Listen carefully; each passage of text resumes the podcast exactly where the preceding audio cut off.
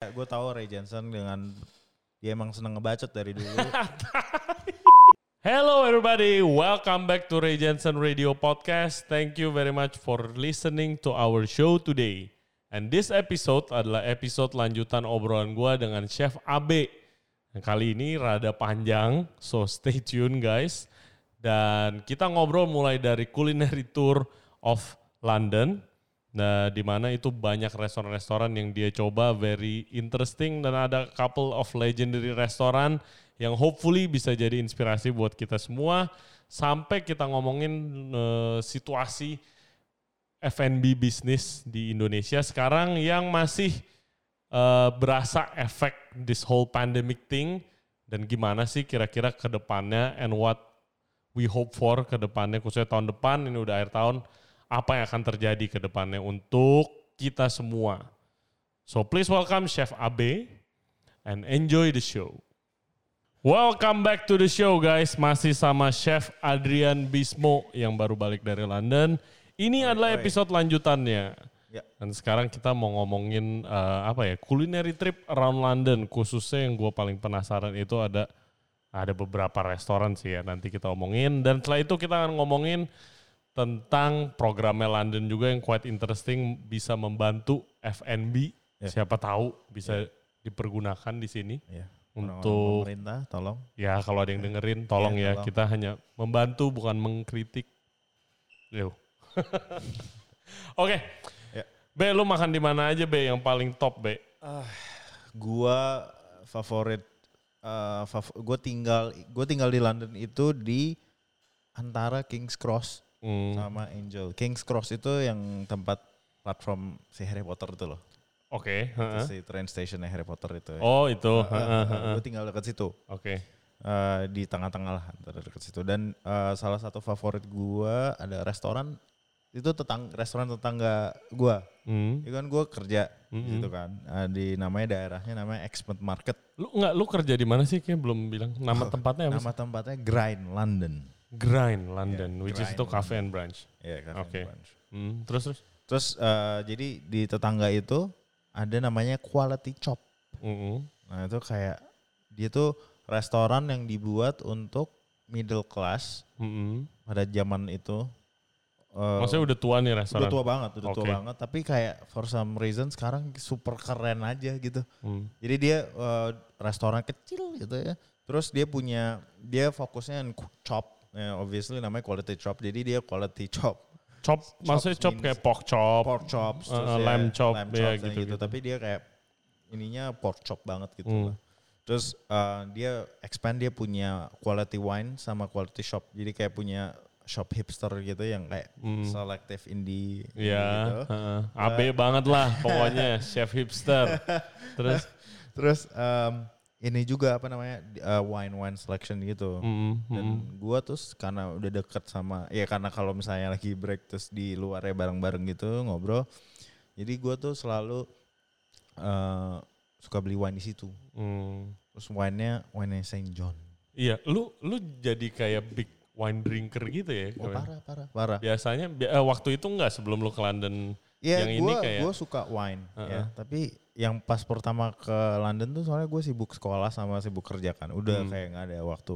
For Hmm. some reason gue karena itu kayak jadi satu street gitu isinya banyak restoran gitu loh. Hmm, Kayak it's a it's a pocket kayak Cipete gitu Iya, lah. Iya gitu ya. Heeh. Tapi oh, kayak cepet sih. Iya.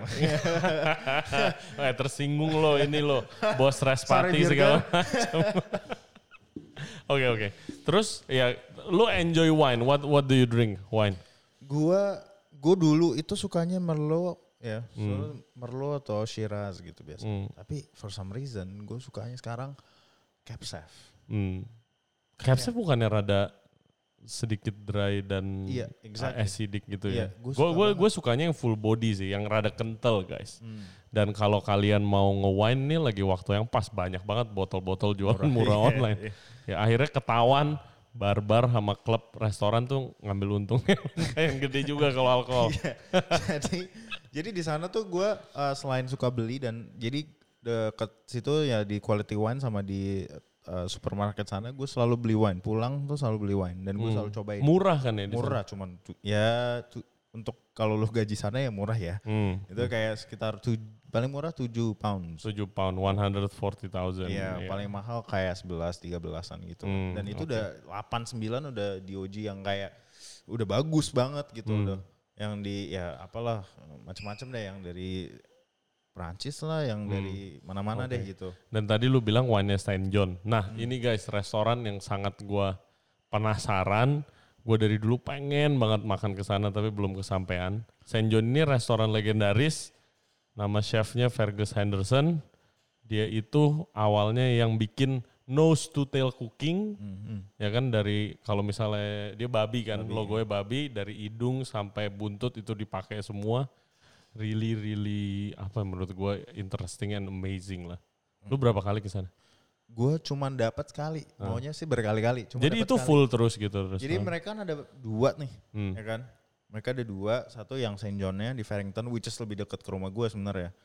Eh, terus di itu tapi gue nggak selalu nggak dapet selalu nggak dapet tempat. Hmm. Tapi jadi akhirnya gue ke cabang yang keduanya dia, yang Bread and Wine, itu Saint John Bread and Wine itu di Shoreditch. Hmm. Nah itu kayak ya sama tapi nggak se nggak se fine itu Hmm. deh. Hmm. Gitu. Tapi tetap menunya seasonal dan semua nose to tail juga gitu. Kayak- Gimana di sana? Apakah se segitunya gak sih kayak wah gila. Cook simply, makanya kan simple-simple banget itu, kan. Itu kayak gua ke sana tuh kayak wah, ini kayak makanan rumah ya Heeh. gitu. Kayak sebenarnya makanan rumah cuman kayak se- sesimpel itu dan ingredient centric aja. Hmm. Menurut gua kayak ingredientnya tomatnya bisa yang kayak ripe gitu loh yang Hmm. gimana sih umami banget terus Top yang banget gitu, Ah, tomatnya gila iya, gitu. iya. Dan kayak carrot cuman kayak carrot sama di di paling direbus gitu, terus Heeh. disote sedikit sama butter, terus kasih parsley yang banyak. Udah gitu doang. Gitu Hmm. doang. Kalau di sana orang-orang Inggrisnya pada komplain gak sih kayak, "Wah gila makanan rumahan nih mahal gitu." Enggak sih. Iya. Orang sana tuh lebih appreciate juga sih masalah tentang kayak gitu-gituan juga. Hmm. Terus kayak Oke. gue makan oxtail, eh, terus ox tongue juga. Jadi ya itu kayak mungkin lagi eh, ox jadi bener Hmm. semua ketemu banyak. ketemu itu Chef Fergus. Enggak ketemu. Gila sih, gue ngefans banget dan please guys check him out. Dia itu eh ya udah legenda, udah tua juga. Ya dia sorry dia bener-bener sampai lo tau kan ada Saint John yang ini Fashion Week Saint John apaan tuh? Oh dia fashion icon juga ya Iya. dengan dengan Iya, itu jadi si jasnya gitu. di, ya. di di di kayak bukan di London sih kayaknya di Fashion Week Paris gitu Hmm, ada baju-bajunya si Saint John gitu yoi. dibikin buat fashion show gitu Ih keren banget sih men. Itu orang pokoknya keren banget. Gue big big fan. itu dah Dan ya I hope bisa ketemu sih one day. dan gue selalu beli kayak gue soalnya gue pengen coba kan kayak gue udah habis tuh jadi satu rack gue sama flatmates gue tuh emang men- berdua kita berdua tuh seneng minum wine lah ya Heeh. terus kayak eh ya sotoy-sotoyan aja lah gitu. Hmm. Dia orang Australia. Terus kayak kita di supermarket satu rack itu semua variasi semua merek yang ada di situ udah pernah kita coba. Oke iya itu sama sama gue rom sama roommate gue waktu gue di Sydney. Tapi bir. Nah, Iya. itu karena itu wine kita Semua ya, udah harus coba itu sebelum semua kita, udah selesai. coba terus kayak eh gue kayak gue masih penasaran. Terus akhirnya gue ada subscription gitu. Hmm. Gue subscription wine, Hmm. bir, sama kopi. Hmm. Jadi tiap minggu dikirimin.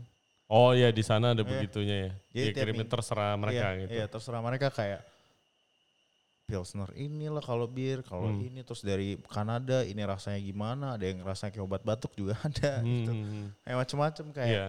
apa sih New England Pale Ale gitu-gitu macem-macem kan. Iya dan eh, ya di sana udah marketnya udah jauh lebih develop Iya, lah dari iya. daripada di sini.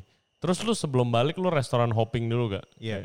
Jadi tuh eh gue kayak sebelum balik kayak waduh gue selama ini kerja mulu nih gitu Hmm. ya.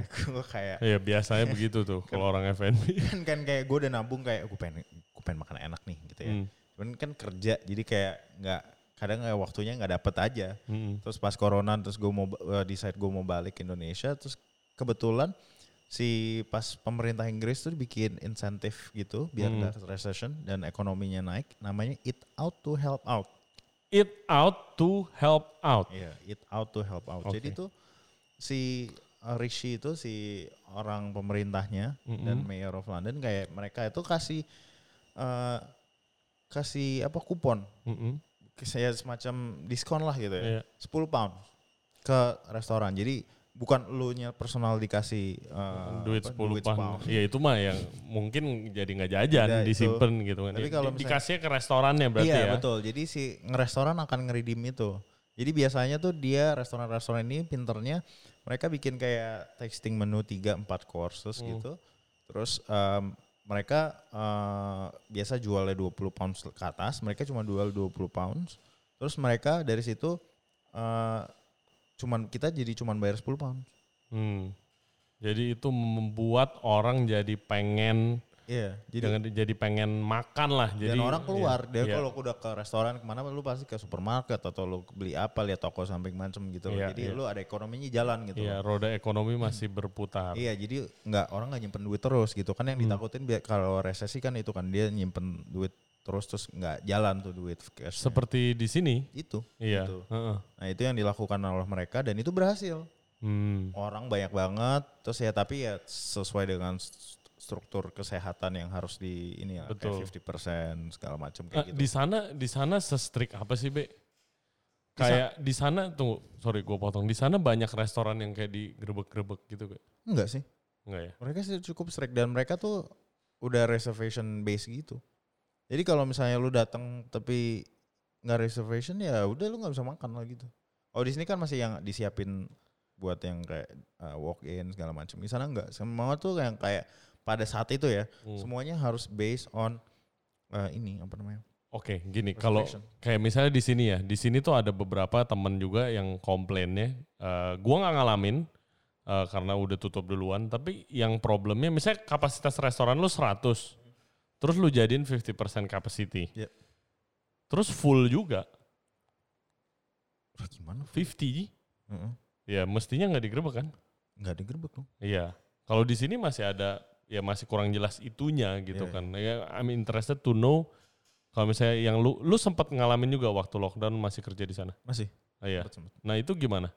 Ya gue benar-benar uh, kayak 50% di cut Heeh. Terus ya panjangnya 2 meter ya bener-bener 2 meter enggak. Kalau di sini yang gue lihat sih enggak 2 meter banget. Hmm, hmm, hmm, hmm, hmm. Eh, Iya, tapi ya dan di sini kayak kalau ngebantu F&B-nya doang sih kayak hashtag doang tuh apa hashtag support your local Iya. restaurant. ya sulit, sulit bang. Kalau nggak ada duitnya orang sulit Iya. juga kan. Heeh. Terus jadi ya gue di sana eh, seminggu gue dua kali Hmm, biasanya eh, ke restoran yang fancy hmm. gitu, untuk kayak Gila. Ya cukup, cukup. fancy. Iya, senior susep, bos. Nah, terus terus. Eh, ya udah terus gue cobain deh semuanya. Hmm. Yang paling berkesan apa? Selain itu tadi apa chop? Selain eh, selain quality chop, yang paling berkesan Barafina. Hmm. Barafina itu kalau di time out tuh kan kalau di sini kan yang namanya Zomato, gue boleh sebut merek sih? Boleh. Boleh ya. Udah nggak ada loh bro, Oh iya, by the way ya. sebut-sebut Oh, aja. Iya, iya, iya. Sorry, sorry. Jadi kayak em, di sana kan kita di sini kan lihatnya Zomato rating segala macam. Kalau di sana Yes. time out. Time out. Ah. Ya kayak Zomatonya juga. Hmm, ya dia lebih ke media sih sebenarnya. Hmm.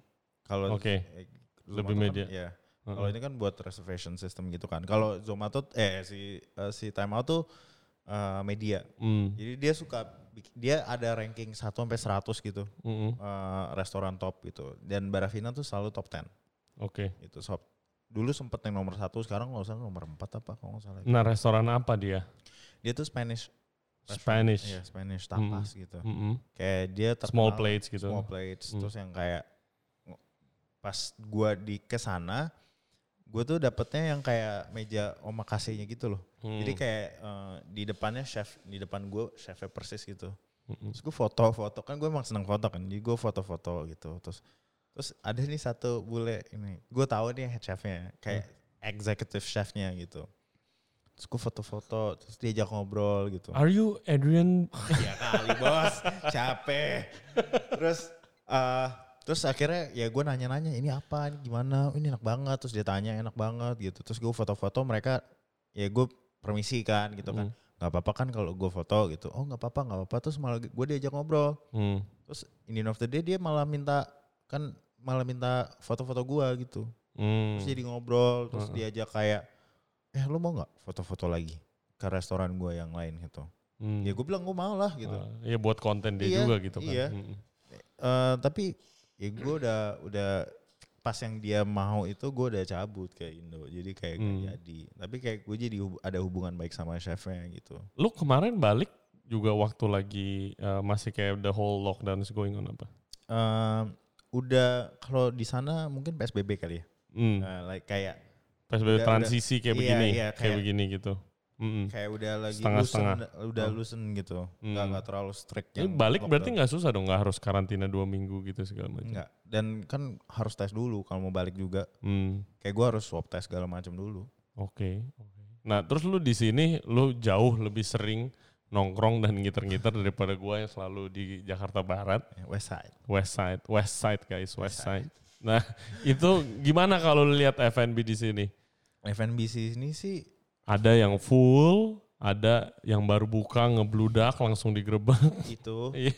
gue gimana ya di sini tuh ngelihatnya mereka struggle sih. Hmm. Maksudnya gue tahu mereka struggle setengah menu dan ya gue juga nyamperin restoran-restoran yang pernah kita buat juga Mm-mm, gitu mm-mm. kayak penasaran kayak apa sih gitu. Dan Mm-mm. mereka ya ya udah sulah, udah udah udah struggle mood semua sih. Hmm. Kalau di sana tuh mereka iya struggle mood tapi mereka masih yang kayak menjunjung tinggi visi mereka masing-masing sebagai restoran gitu. Hmm. Kalau di sini udah survival mode Iya. banget bangetan yang sih. restoran Itali tiba-tiba jual nasi goreng gitu kan Iya. di sini. Iya asal yang Pokoknya yang laku tiba-tiba vakum-vakum jualan kayak gitu kan. Di sana Hmm. sih nggak gitu. Mm-mm, Di sana sih masih ya restoran ya kayak dia cuman yang menunya mungkin nggak sebanyak itu. Iya tapi who can blame Nggak ada. ya nggak kalau ada. misalnya I think that that program will work greatly di Indo ini that this program it out to help out ini Hmm. kayak orang Indo kan udah pasti paling demen tuh diskon diskonan Iya, iya, kan iya ingat gak waktu lu ada di sini gak sih waktu Zomato Gold Hmm. Zomato dulu ngeluarin program kayak membership terus dapat bisa buy one get one gitu di Oh, iya, restoran kayak ada, ada, ada. Oh. Iya kan, nah itu itu kan gila banget men. Iya, iya, gitu, iya. maksudnya program seperti ini it will help something lah, ya kan? Gua ya sorry tuh saya ya Indonesia orang Indonesia tapi kalau orang Indonesia belum gue belum percaya sih. Kalau misalnya kayak Diskonan gitu, begini, iya, diskonan misalnya begini. diskon gue percaya. Cuman tata tertibnya gue nggak percaya. Oh tata tertibnya beda cerita dong. Itu. Kita emang dari Tapi kan dulu harus susah. Ha, iya, itu dia. Kayak di sana tuh bener tertib banget gitu loh. Kayak lu temperatur cek segala macam terus ya bener-bener beda dan nggak ada kayak misalnya lu mau apa namanya kalau misalnya yang gue datang ke sini ya selama gue pulang dan gue ke restoran yang melakukan ini masih yang melakukan hal ini yang akan gue bicara ini cuma dikit. Gue gue soalnya gue gue gue perhatiin. Hmm, jadi lu mau bayar. Kalau bayar kan ya pakai kartu misalnya gitu ya. Hmm, kalau di sana nggak terima cash sama, hmm, lu nggak boleh pakai cash, lu harus kartu. hmm. Nah di sini pakai kartu segala macam, tapi masih dipegang orangnya pakai nggak pakai hand glove, terus kan itu yang nggak dibersih apa sih apa sih itu yang nggak dibersihin, Heeh. Edisi Edisi, mesinnya. uh, uh, si mesinnya nggak dibersihin, terus nggak disiapin uh, sanitizer sanitizer gitu, hand sanitizer atau spray gitu. Hmm. Di sini enggak yang cuman melakukan kayak dari mungkin dari 10 atau 15 restoran yang gue datengin di sini cuman paling 2 3 doang. Iya. Kayak ya itu penting cuy. Hmm. Kayak lu nggak tahu berapa banyak mesin edisi dipencet sama siapa aja kan. Iya. Itu, Iya. sih- itu kayak small things kayak gitu yang buat gue kayak itu tuh perlu cuy Hmm. gitu. Hmm. Kalau gue sih ya karena gitu gue selalu bawa spray sendiri gitu loh ya. Yes, yes. Tapi kan alangkah baiknya sebagai restoran aware dengan hal small things kayak yes. gitu. Heeh, ya mestinya disiapin sih kalau emang udah protokolnya Itu, gitu kan. Itu. ya gua to be a devil's advocate ya abisnya nggak ada perbantuan juga sih gitu loh Iya, kalau di sana kan emang dibantu Gua- ada furlough segala macam iya kan. gua gua di sini kayak eh, gua ngeliat aja ya Eh, kan harus tuh harus masker malahan dulu awal-awal harus masker dan face mask Mhm. untuk itu segala macam Eh, harus ada hand sanitizer harus Mhm. temperatur cek eh, dan segala macamnya lah Hmm.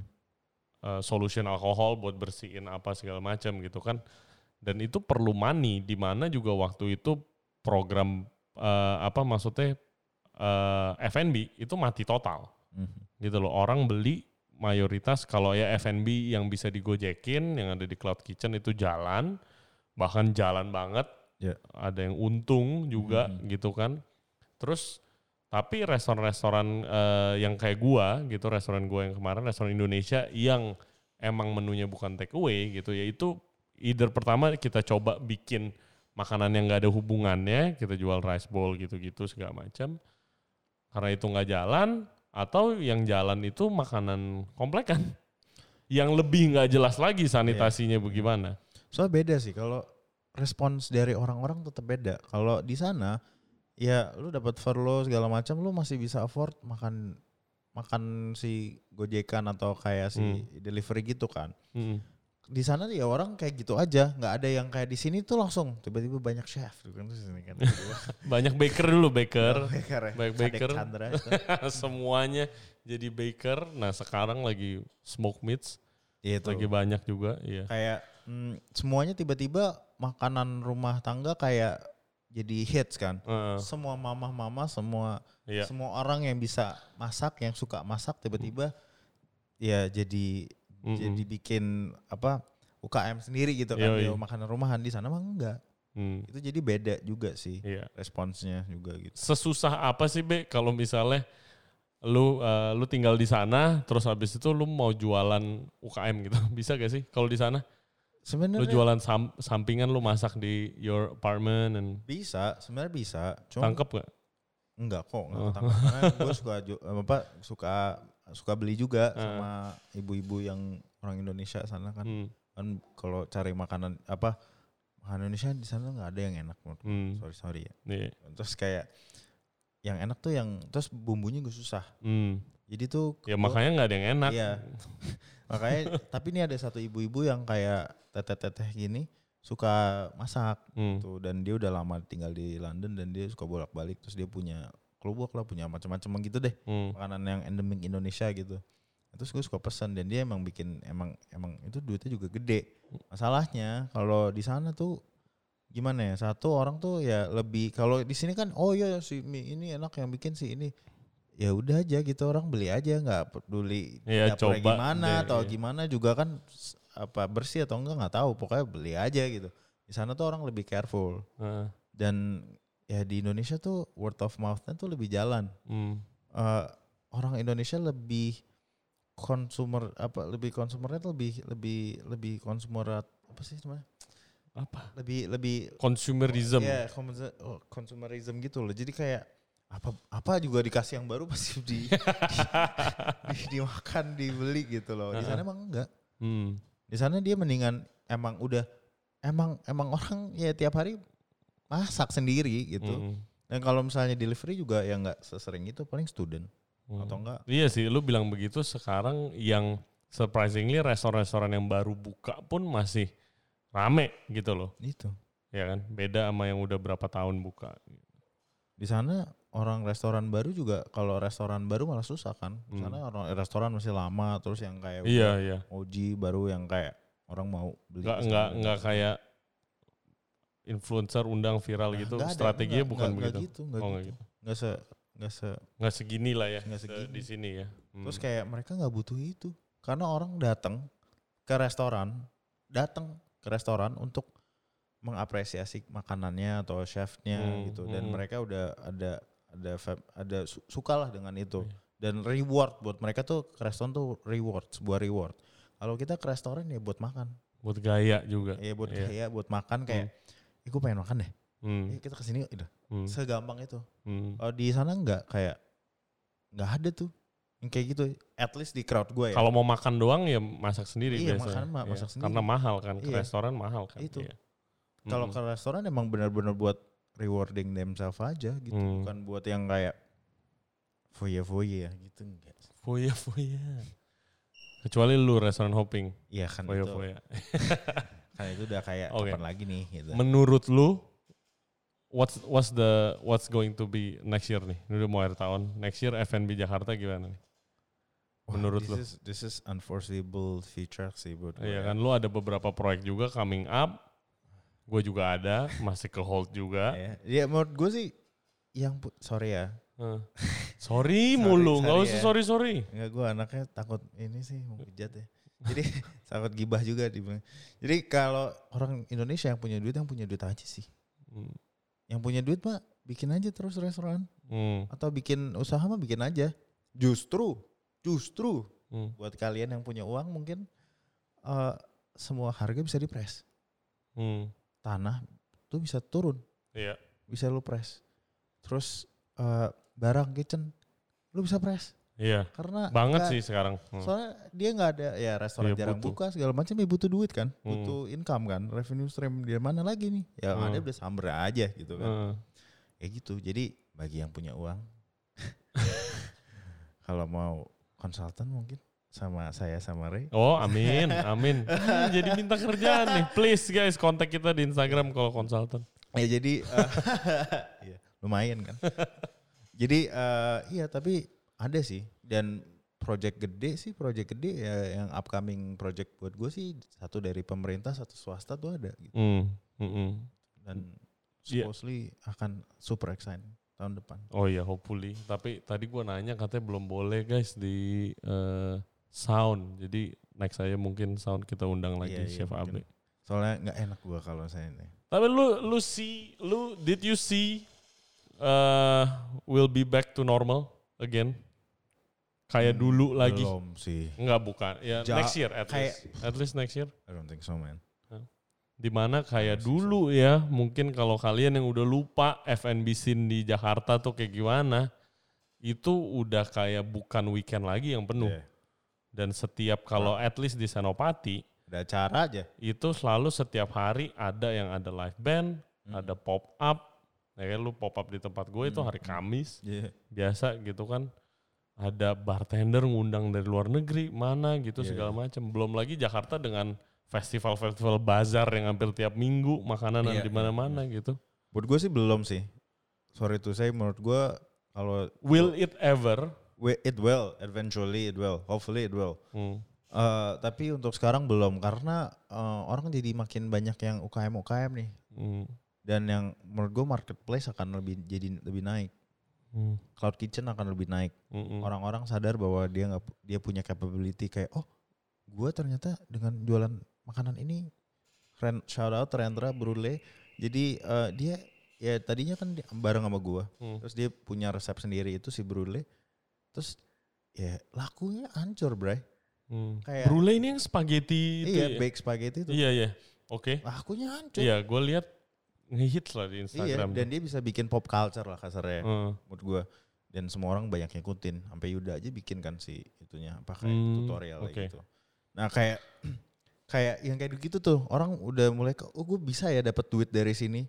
Menurut gue cloud kitchen dan makanan kayak gitu akan lebih menjamur dan UKM akan lebih banyak. Hmm. Jadi gue rasa marketplace dan tempat yang kayak Iya, restoran-restoran restoran kecil, kecil, kecil, itu gitu. akan lebih banyak menurut gue Iya. dibandingkan restoran satu gede yang fancy atau apa. Iya, Kayaknya menurut gua at least restoran yang kayak gua dulu, restoran gua dulu itu udah bukan zamannya lagi. Iya. Di mana kayak ya restoran yang bisa bilang oke konsep makanannya kalau tempat gue Indonesia ada restoran Italia tapi ada semuanya gitu kayak one stop shop lu mau ngebar bisa lu mau nonton live music bisa lu mau ngecil minum-minum sambil mabok-mabok dikit bisa mau makan doang bisa makan keluarga bisa itu kayak all in restoran gitu menurut gua udah nggak ada sih costnya terlalu besar Iya. ya kan dan kayak nggak ada kepastian Hmm. nggak ada kepastian jadi lebih kayak oke lu mau ke restoran ini mau ke tempat ini ya mau ngapain Iya, gitu udah harus gue tuh lebih akan eh,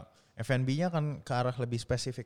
Hmm. Kayak mereka punya specialty gitu loh. ya that's a good thing sih Iya. menurut gua kalau Trennya kayak- akan menurut gue akan trennya lebih ke itu juga ngomongin tren. Hmm, Jadi lebih spesifik, hmm, lebih kayak ya lu misalnya eh smoke gitu, ya bakal lebih khusus ke smoke dan orang akan nyari itu gitu dan itu akan menjamur smoke smokes beef itu akan menjamur dan banyak. Iya. Terus kalau misalnya bakmi gitu, ya udah ntar bakmi jadi banyak speciality-nya gitu Mm-mm. masing-masing gitu. Jadi menurut gua akan situ deh daripada yang general general gitu akan lebih banyak yang kayak gitu.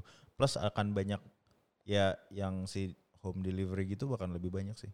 Hmm, Soalnya hmm. banyak beberapa orang yang udah consult ke gua juga kayak mereka sekarang mau bikin dan punya modal tapi dia emang mau fokusnya ke delivery aja Oke. gitu. Jadi emang ya di cloud kitchen gitu Iya, segala macam ya. iya. Iya Cloud sih kitchen. cloud kitchen modalnya itu modalnya jauh lebih kecil daripada lu bangun restoran sendiri. Iya. Gila, lu bangun kitchen aja berapa? Belum lagi depannya, belum lagi gaji staffnya ya kan. Belum marketing dan segala macam. Jadi orang di sini tuh akan lebih fokus ke produk sama buang duitnya buat marketing pasti. Hmm. Menurut gue kayak gitu sih kalau di Jakarta soon ya. At least buat tahun depan, at least buat tahun depan. Iya. Tapi kalau untuk balik ke normal gitu, it, Hmm. it takes like years sih. Lu ngapain buka restoran lu? Gua, gua ada commitment issue. Hmm. Kalau restoran gue tuh, gua nggak akan nggak bukan gua nggak nggak akan ya. Mungkin belum belum ke Jangan tahap bilang itu. nggak akan Iya itu dia itu dia Eh. Kayak eh, mungkin kayak belum. Soalnya kalau sekarang lu tanya gue mau bikin restoran di Indonesia nggak mau. Hmm. Gue mau kalau mau Why? bikin. Oke, jadi satu alasan gue adalah kalau gue bikin ya sorry market Indonesia dan Jakarta sekali lagi. jadi gue dan kita menurut menurut gue kita Iya, kita. kalau bikin restoran pasti kita dumb it down. Iya. The taste pasti kita dumb it down. Hmm. Kita kayak menyesuaikan market. Iya. Ya jadi lebih asin, jadi lebih apa gitu. Heeh. dan gua brought up di luar dan eh, apa gue bertumbuh kembang di kitchen luar neg- di di luar negeri nggak di Hmm. Indonesia ya gua develop palette yang sesuai dengan sebagaimana mestinya Hmm. gitu Ya. jadi kalau gua punya sesuatu yang beneran punya gua sendiri Lu pengen 100% punya lu. exactly Iya. gue tuh agak control freak kalau misalnya ya restoran gue pengen brandnya kayak gini gue pengen kreatifnya kayak gini gue pengen bahannya kayak gini dan gue pengen nggak pengen emang emang dari dulu nggak pernah pengen punya restoran gede Hmm. kayak main 30 orang aja udah seneng Hmm. banget gue itu Iya. dan Dan lu rasa kok dengan konsep yang seperti itu tidak bisa jalan di belum sini. belum bisa jalan Hmm. apalagi gue brought up dengan gue tumbuh dengan uh, makan western Hmm. Indonesia pastanya manis nanti Hmm. gue nggak pengen Karbonara pasta pakai krim. gitu. Kayak dan orang Indonesia belum datang ke restoran untuk explore. Hmm. Orang Indonesia datang ke restoran untuk makan makanan yang familiar. I think nih kayak eh, ada dua come, eh, dua restoran come up. Pertama kayak gue kemarin baru makan Lokavor actually. Hmm, di Eh, sama pop up JJ. di akar. Eh sama JJ. itu Enggak, ya? gua sama Michelle gua makan di, Enggak, di maksudnya akar. bukan di akar deh. Gue kira yang di country club itu. Yang di country club eh, next week, Oh. I think. Dan itu meat shopnya yang yang pop up. Oh, oke. oke. Eh, Lokavor pop up di akar. Sebelumnya gua makan Lokavor pop up juga waktu di Raffles Hotel. Mhm. Tapi gua makan bar snacknya doang. Mhm. Terus eh, kemarin gua makan penuh, Be. Iya. Maksudnya it's full, fully booked, fif- way less than 50% capacity-nya akar, outdoor seatingnya nggak dipakai sama sekali. Eh dan full, maksudnya orang orang entusiastik ada marketnya cuy. Dan Lokavor tuh Ya, ya udah itu tidak menyesuaikan dengan market sih tapi maksud lo, gua. lo cover kan dia udah 50 best gitu gak sih? Iya, Dia beda again, beda. Again, bisa, again, ke sana oke, dong. oke, satu ya. Yang kedua August, August Hans kan dulu Alinia cuy. Kayak dia juga udah megang Fairmont kan. lu gue perlu sebutin restoran-restoran yang lu kerja juga. Lu bisa juga dong mestinya, ya gak sih? Ya Kayak tapi lu harus cari yang menurut gua kalau gue lihat mereka berdua timnya gitu ya, which is Hmm. I respect them so much itu karena timnya pas aja cuy. Iya. yang betul. satu visi. Kalau lu ketemu manajer yang maunya begitu juga kayak lu visinya apalagi amin-amin lu ketemu orang finance yang bisa kayak lu juga. Lu tinggal ketemu sa yang paling susah itu investornya siapa? Balik lagi ke orang yang berduit kan. Iya. Investornya siapa? Hmm. Dan Kayak semuanya lah. Noma aja dia cerita waktu gua mau balik 9 tahun sepi nggak ada yang makan. iya. Tapi bosnya siapa? Hmm. Bosnya percaya gak gitu? ya itu dah makanya kayak dan market dan lidah gua tuh bukan membuat orang Indo. Kalau misalnya ya orang Indonesia dan orang Jakarta bilang makanan kita enak Hmm. macam. Ya karena kita sudah menyesuaikan dan kita tahu apa yang mereka suka. gitu. Mm-mm. Tapi deep down, deep down inside itu bukan gua sebenarnya. Iya, exactly. Nah, gua gua kemarin abis PSBB terus abis depresi juga, restoran gua tutup. Terus ya kalau gua gua next gua mau buka restoran, gua janji sama diri gua sendiri gitu. Ini yang 100%. Gua Hmm. akan gua keluarin yang bener-bener 100% karena sampai selama ini pun belum pernah yang 100% ya. Kalau istilahnya dumb it down gitu itu terkesan kayak sombong banget gitu. Tapi ya that's Sorry, the sorry, truth. sorry. that's the truth gitu kan. Nah ya it's fair lah to say that gitu. Dan nextnya gua nggak mau begitu lagi. Gua mau yang bener-bener gua. Kayak gitu. Ya gua nggak akan bikin gede. Nggak mungkin juga Hmm. gitu loh. Gua nggak bikin gede sama menurut gua untuk nambahin tren yang lu prediksi menurut gua tren eh, custom. Apa-apa kan di custom Oh, sekarang. iya, eh Michelle bikin handcraft successful.